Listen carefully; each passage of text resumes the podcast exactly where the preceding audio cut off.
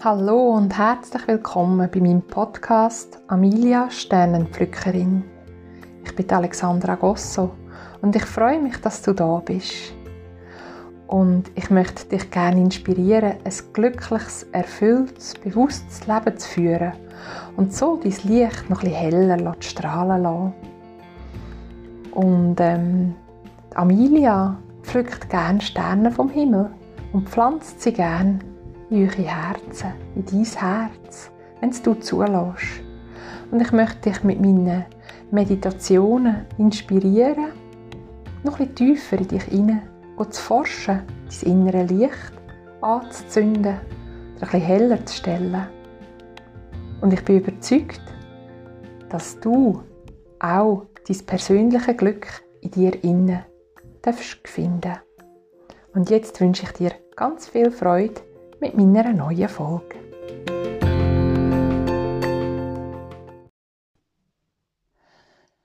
Schon gleich geht das Jahr 2020 zu Ende und ich würde sagen, es ist ein sehr, sehr ein herausforderndes Jahr gewesen.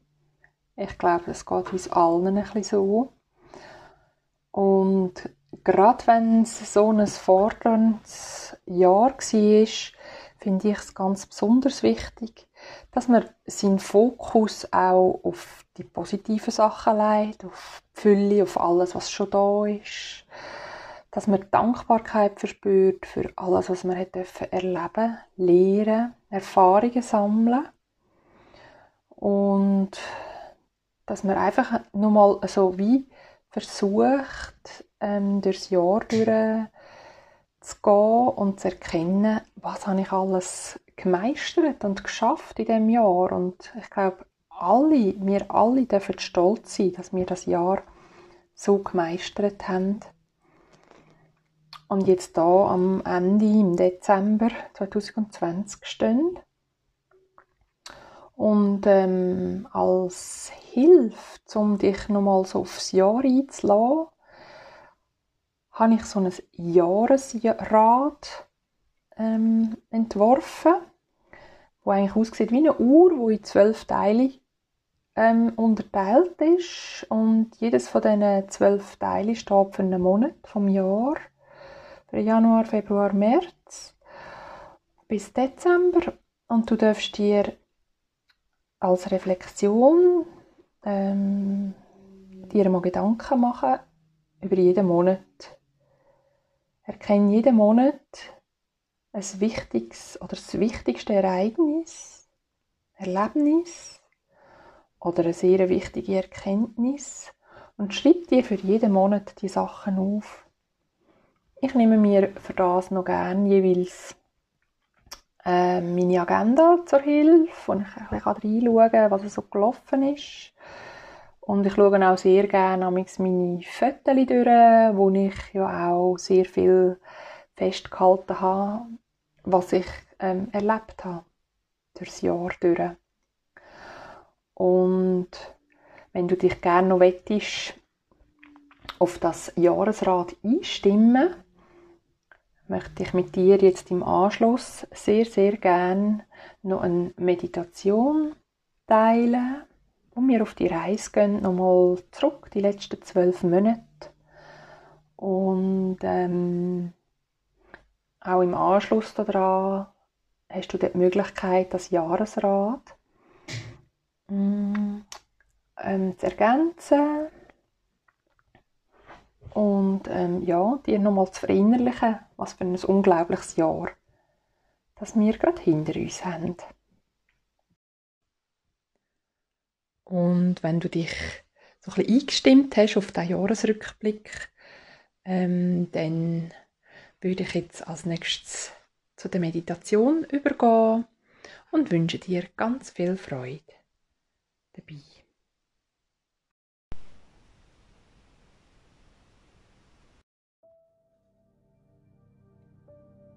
Und um dich auf die Meditation einzulassen, lade ich dich ein, nimm eine bequeme Haltung ein, im Sitzen oder im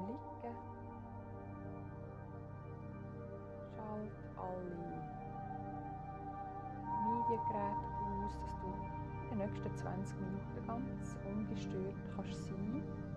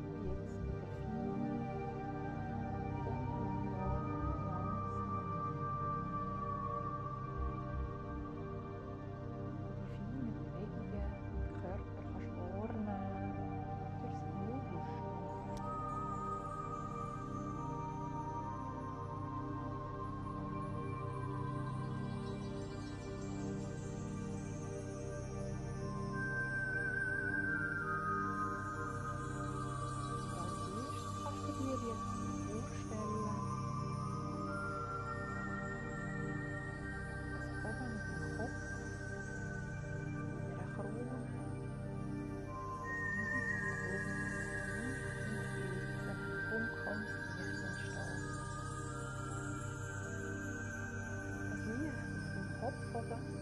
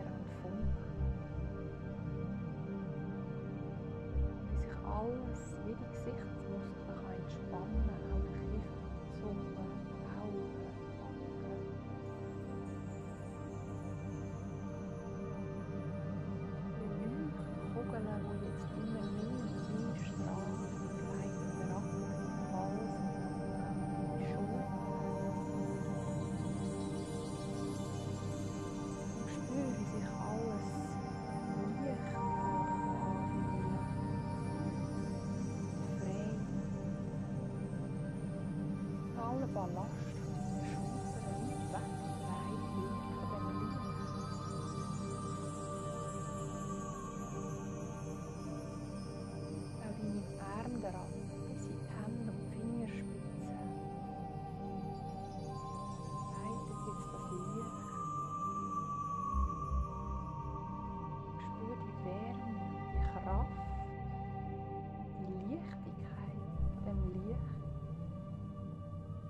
jetzt auch über deine Wirbelsäule herab fließt und über deinen Brustraum, durch dein Herz, durch, deinen Bauchraum, durch all deine Organe.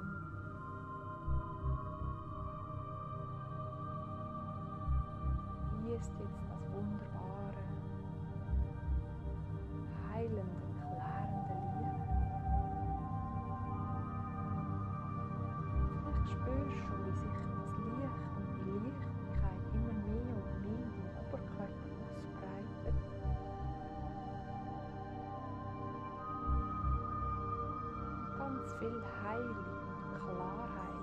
Stop.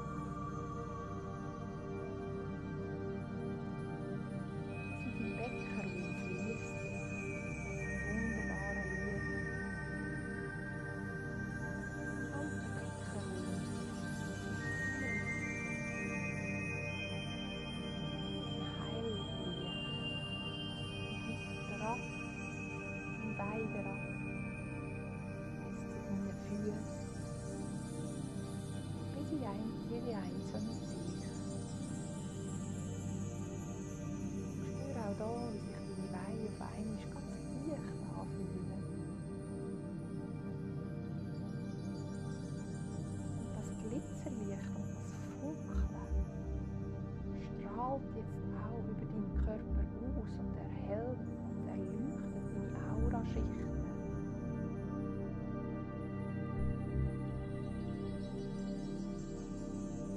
Lass das Licht noch ein heller leuchten. Stell den Schalter, den Lichtschalter noch ein heller ein. Die Funken und das Glitzern umhüllt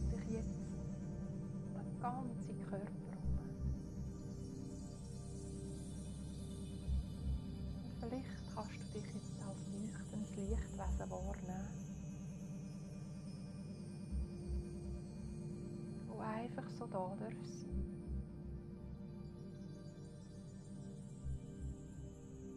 In dem leuchtend hellen Zustand kannst du dir jetzt vorstellen, dass du in der Dämmerung in einem Wald am Spazieren bist.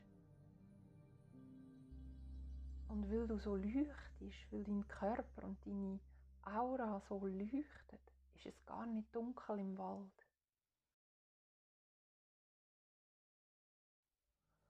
Und um dich herum nimmst du überall auch so Leuchtkörper wahr,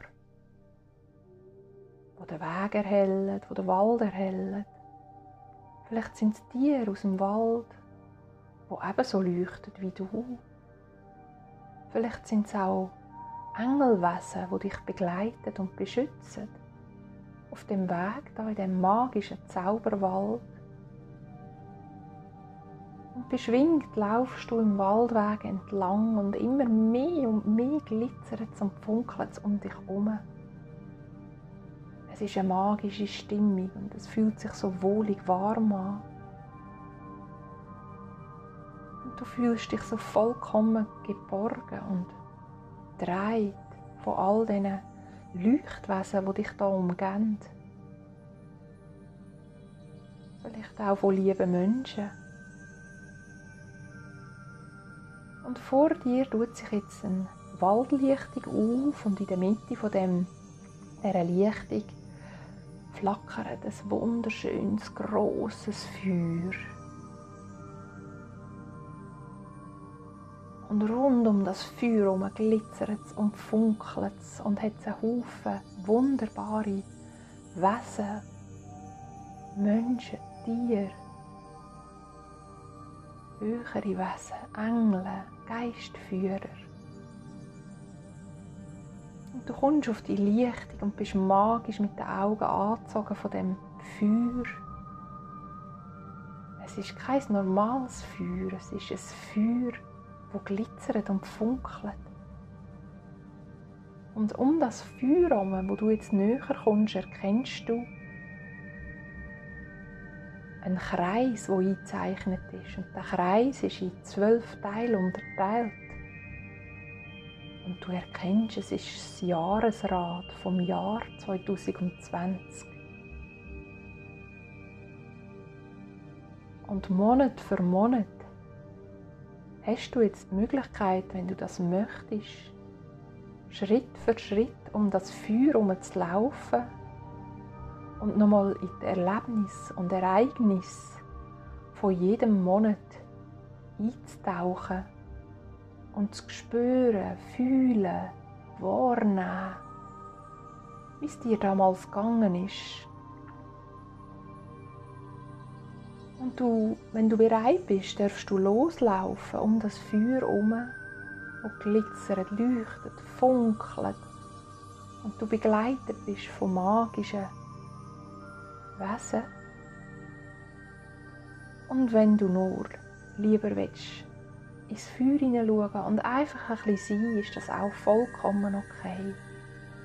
Genieß es, genieß die Energie, genieß die Wärme und das Licht, genieß die Kraft, genieß die Magie, die von dem Feuer und von dieser Waldlichtung ausgeht. Und wenn du rundum laufst, dann gebe ich dir jetzt einen Moment Zeit, um dich Monat für Monat nochmal durch dein Jahr zu begeben. Und nochmal so richtig zu reflektieren.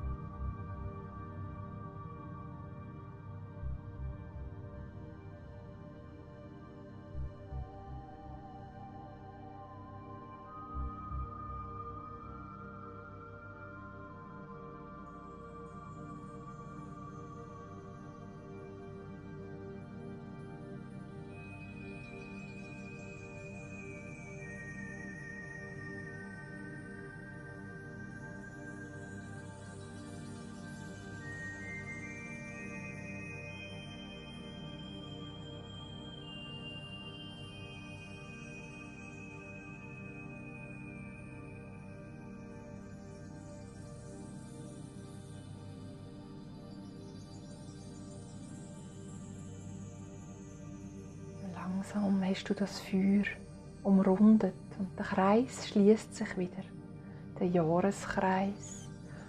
Und wahrscheinlich hast du unglaublich viele Sachen erlebt in dem Jahr, herausfordernde, wunderschöne, ganz kleine, zauberhafte Momente erlebt.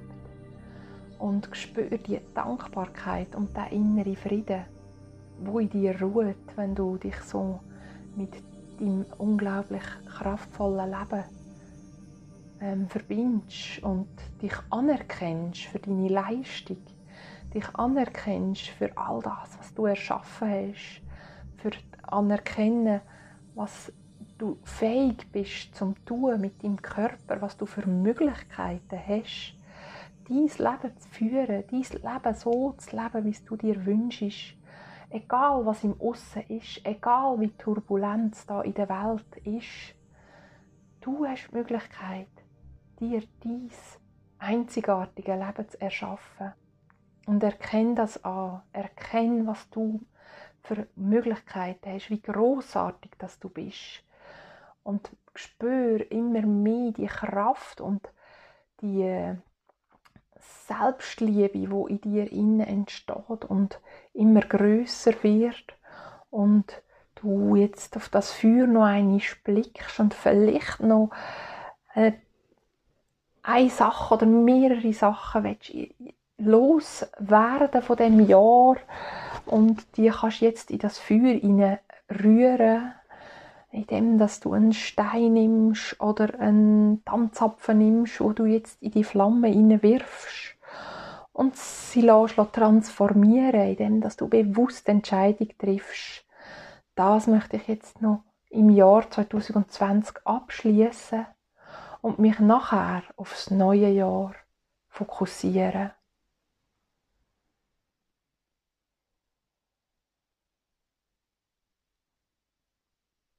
Und all die Leuchtwesen, die magischen, wunderbaren Leuchtkörper, wo da um dich herum auf dieser Waldlichtung sind, ziehen sich jetzt allmählich wieder zurück in den Wald hinein.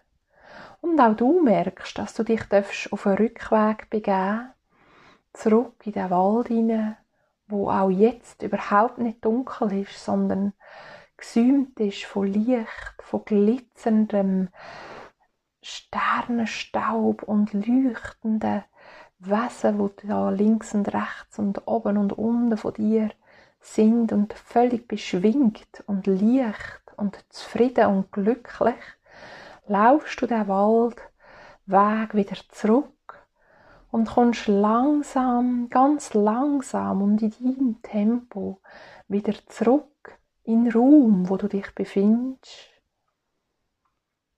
Und vertiefst deinen Atem. Nimmst du das, deinen Körper wieder ein bisschen bewusster wahr. Lass die Augen noch für einen Moment geschlossen. Aber du darfst dich fein bewegen, deine Hände, deine Füße. Und schnuff ins Herz ein und aus und spür, wie dein Herz immer noch leuchtet und strahlt und so dankbar ist für die wunderbare Reise. Und wie wunderbar das Jahr für dich war. Wie viel, dass du gelehrt hast, wie viel Hürden, dass du gemeistert hast wie viel Liebe, dass du gegeben hast, wie viel Liebe, dass du hast empfangen Und nimm dann noch ein paar tiefe Atemzüge und wenn du dann so weit bist, machst langsam deine Augen auf und kommst zurück ins Hier und Jetzt.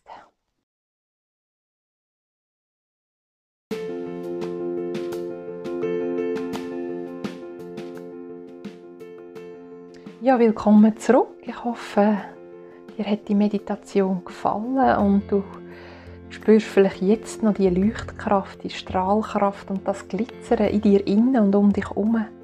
Es ist eine wunderbare Möglichkeit, um dich so mit dir zu verbinden und so in deine Essenz zu kommen und dich so kraftvoll zu spüren. Und ähm, du findest da bei dem Podcast noch den Link zu dem Jahresrat oder ich kann es auch auf Instagram posten oder schreib mir, wenn ich es dir darf schicken, damit du dir ähm, noch kannst die Zeit nehmen, dir Monat für Monat kurz aufzuschreiben, was für dich im Jahr 2020 so wichtig war, was du erlebt und gelernt hast, weil so kannst du das Jahr so wunderbar und kraftvoll und achtsam beenden. Und ähm, du hast ja noch ein paar Tage Zeit, bis das Jahr vorbei ist. Und äh, ich hoffe, du kannst noch ein paar wunderbare, ruhige, gemütliche, aber auch sehr lichtvolle Weihnachtstage genießen ähm, wo wahrscheinlich relativ ruhig werden ablaufen und das ist auch gut so, weil ich glaube, es tut uns im Moment allen sehr gut, ein bisschen runterzufahren, ein bisschen Innenschau, ein bisschen, ja, einfach noch einen friedlichen Jahresabschluss ähm, zu zelebrieren. Und ich wünsche dir von Herzen wunderschöne Festtage und ich danke dir so viel, viel mal, dass du mir zulässt. Und ich freue mich natürlich sehr von dir noch zu hören, wie es dir gerade so geht, wie dir die Meditation gefallen hat, wie das Jahresrat für dich so war. Und ähm, ja, von Herz zu Herz umarme ich dich mit einer extra Portion Lichterglanz und danke vielmals, dass es dich gibt. Alles Liebe und bis gleich. Tschüss.